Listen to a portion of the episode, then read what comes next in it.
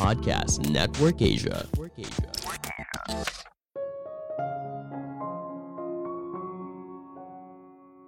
Media sosial jangan hanya digunakan untuk hiburan atau baca berita viral, tapi bisa juga digunakan untuk perubahan positif. Halo semuanya, nama saya Michael. Selamat datang di podcast saya, Sikutu Buku. Kali ini saya akan bahas buku The Dragonfly Effect karya Jennifer Ecker dan Andy Smith. Sebelum kita mulai, buat kalian yang mau support podcast ini agar terus berkarya, caranya gampang banget. Kalian cukup klik follow Dukungan kalian membantu banget supaya kita bisa rutin posting dan bersama-sama belajar di podcast ini. Buku ini membahas bagaimana menggunakan media sosial untuk menciptakan perubahan sosial. Media sosial boleh dibilang sudah menjadi bagian yang tidak terpisahkan dalam kehidupan kita sehari-hari. Kita mungkin menghabiskan waktu berjam-jam di media sosial, entah itu untuk hiburan, berinteraksi dengan teman, dan sebagainya. Banyak buku mengajarkan kita untuk menggunakan media sosial dalam hal kompetisi bisnis. Namun tidak banyak yang menjelaskan bagaimana menggunakan media sosial dapat mendorong perubahan ke arah yang lebih baik. Penulis berusaha menjelaskan langkah demi langkah agar kita bisa menggunakan media sosial untuk memberikan dampak positif. Saya merangkumnya menjadi tiga hal penting dari buku ini. Pertama, apa itu Dragonfly Effect? Ada sebuah kisah yang menarik Samir Bahtia merupakan seorang pengusaha di Silicon Valley. Suatu hari saat perjalanan ke Mumbai, dia merasa tidak enak badan. Ketika diperiksa lebih lanjut, Samir didiagnosa mengidap leukemia myeloblastik akut, kanker darah yang dimulai dari sumsum tulang, lalu sel darah putihnya berkembang secara tidak wajar dan mengganggu produksi sel darah merah yang normal. Samir menghadapi tantangan hidup yang berat. Setengah dari kasus leukemia yang baru berakhir meninggal dunia. Setelah menjalani kemoterapi dan perawatan lain selama berbulan-bulan, dokter mengatakan kalau pilihan satu-satunya adalah transplantasi sumsum tulang belakang. Namun tantangan utamanya adalah mencari donor dengan tulang sumsum yang mirip. Hal ini sangat sulit karena Samir mewarisi gen langka dari ayahnya. Tingkat kecocokan tulang sumsum dengan anggota keluarga yang lain sangat rendah. Pilihan terakhir adalah mencari di National Marrow Donor Program Amerika Serikat untuk mencari donor yang cocok biasanya berasal dari etnis yang sama. Namun data yang tersedia hanya 1,4% yang berasal dari Asia Selatan. Teman-teman Samir lalu mulai memanfaatkan media sosial untuk membantu mencari donor tulang sumsum yang cocok. Kisah Samir lalu viral di media sosial dan dalam waktu beberapa bulan akhirnya dia menemukan donor yang cocok.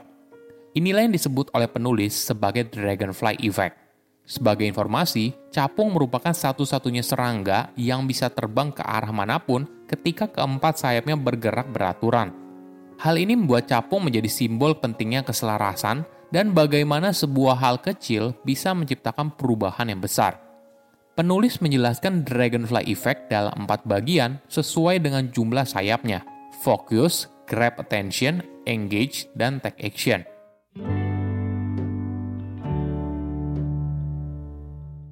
Kedua, menciptakan gerakan sosial. Bagaimana kita bisa menggunakan media sosial untuk mendorong perubahan? Pertama adalah fokus. Untuk bisa menjalankan sebuah kampanye yang sukses, kamu perlu fokus pada hasil apa yang ingin kamu raih. Jika melihat dari contoh Samir Bahtia, lingkaran sosialnya menanggapi situasi yang dialami Samir dengan pendekatan yang berbeda. Temannya berusaha untuk membantu Samir ibaratnya seperti melakukan tantangan bisnis – jika mereka ingin menemukan donor yang cocok bagi Samir, maka mereka harus mendorong banyak orang untuk mendaftarkan dirinya dalam program donor tulang sumsum yang harapannya dari sekian banyak yang mendaftar, ada satu yang cocok dengan Samir. Menurut hitungan awal, mereka membutuhkan sekitar 20.000 orang dengan etnis Asia Selatan untuk mendaftarkan dirinya. Ini tentunya tidak mudah dan jumlah yang banyak. Strategi mereka adalah menggunakan kekuatan internet dan fokus pada komunitas Asia Selatan di Amerika Serikat. Langkah pertama adalah temannya mengirimkan email kepada orang terdekat, rekam bisnis, keturunan Asia Selatan di Amerika Serikat, dan teman kuliah Samir. Mereka menjelaskan kondisi yang dialami oleh Samir dan sedang membutuhkan donor tulang sumsum. Di email itu juga dijelaskan secara detail apa yang harus pembaca lakukan. Pertama, mendaftarkan diri mereka ke dalam program donor tulang sumsum. Kedua, membagikan informasi ini kepada orang lain. Ketiga, untuk informasi lebih lanjut, mereka juga sudah membuatkan website khusus untuk membantu memahami apa yang dialami oleh Samir. Hasilnya sungguh di luar dugaan. Dalam waktu 48 jam, email tersebut telah menjangkau 35.000 orang dari yang awalnya disebar ke 500 orang.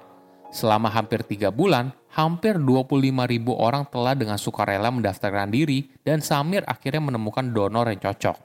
Selain fokus, sebuah kampanye media sosial juga perlu menarik perhatian.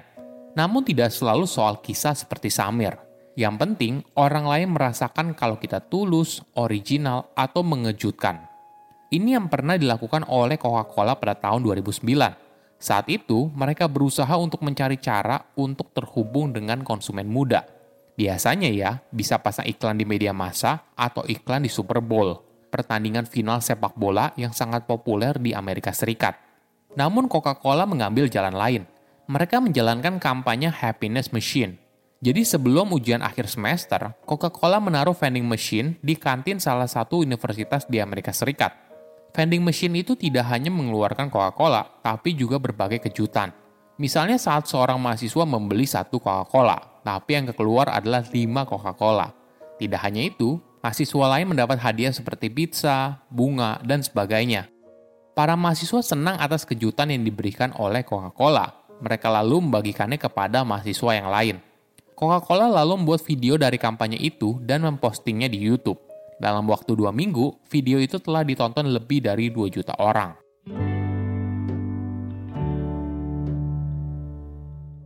Ketiga, mengajak orang lain untuk ikut.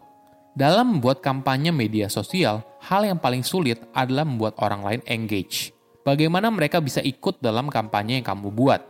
Hal ini disebabkan kamu tidak hanya butuh alasan rasional, tapi juga alasan emosional kenapa para netizen harus ikutan. Ada sebuah kisah dari Alex Scott. Sebelum usianya setahun, Alex didiagnosa menderita neuroblastoma, suatu bentuk kanker langka yang agresif. Tumornya sudah diangkat dari punggung Alex, tapi dokter mengatakan kepada orang tuanya, apabila Alex berhasil mengalahkan kanker, mungkin saja dia tidak bisa berjalan lagi seumur hidup. Dua minggu kemudian, Alex menunjukkan keajaiban. Dia bisa menggerakkan kakinya. Ketika Alex berumur 4 tahun, setelah menerima transplantasi stem cell, dia punya rencana besar. Ketika pulang dari rumah sakit, dia ingin buka stand untuk menjual minuman dari lemon Uangnya lalu akan digunakan untuk riset kanker anak. Mungkin sedikit sejarah, menjual minuman dari lemon merupakan simbol kewirausahaan sejak dini bagi anak di Amerika Serikat. Awalnya orang tua Alex menertawakan idenya, tapi Alex tidak berkecil hati dan mengiklankan tokonya kalau uang yang terkumpul akan digunakan untuk pengembangan riset kanker anak-anak. Tanpa disangka, Alex berhasil mengumpulkan 28 juta rupiah di tahun pertama. Kisah Alex begitu menyentuh, hingga gerakan ini lalu diikuti oleh berbagai komunitas di 50 negara bagian Amerika Serikat. Sebelum Alex meninggal dunia pada usianya ke-8 tahun, dia telah berhasil mengumpulkan 14 miliar rupiah untuk mendanai riset kanker. Media sosial tidak hanya merupakan ajang pamer, mengetahui berita terbaru, tapi juga bisa menjadi penggerak perubahan yang positif.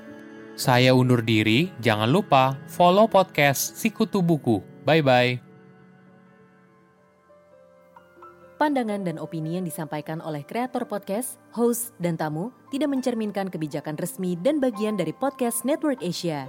Setiap konten yang disampaikan mereka di dalam podcast adalah opini mereka sendiri dan tidak bermaksud untuk merugikan agama, grup etnik, perkumpulan, organisasi, perusahaan, perorangan, atau siapa pun dan apa pun.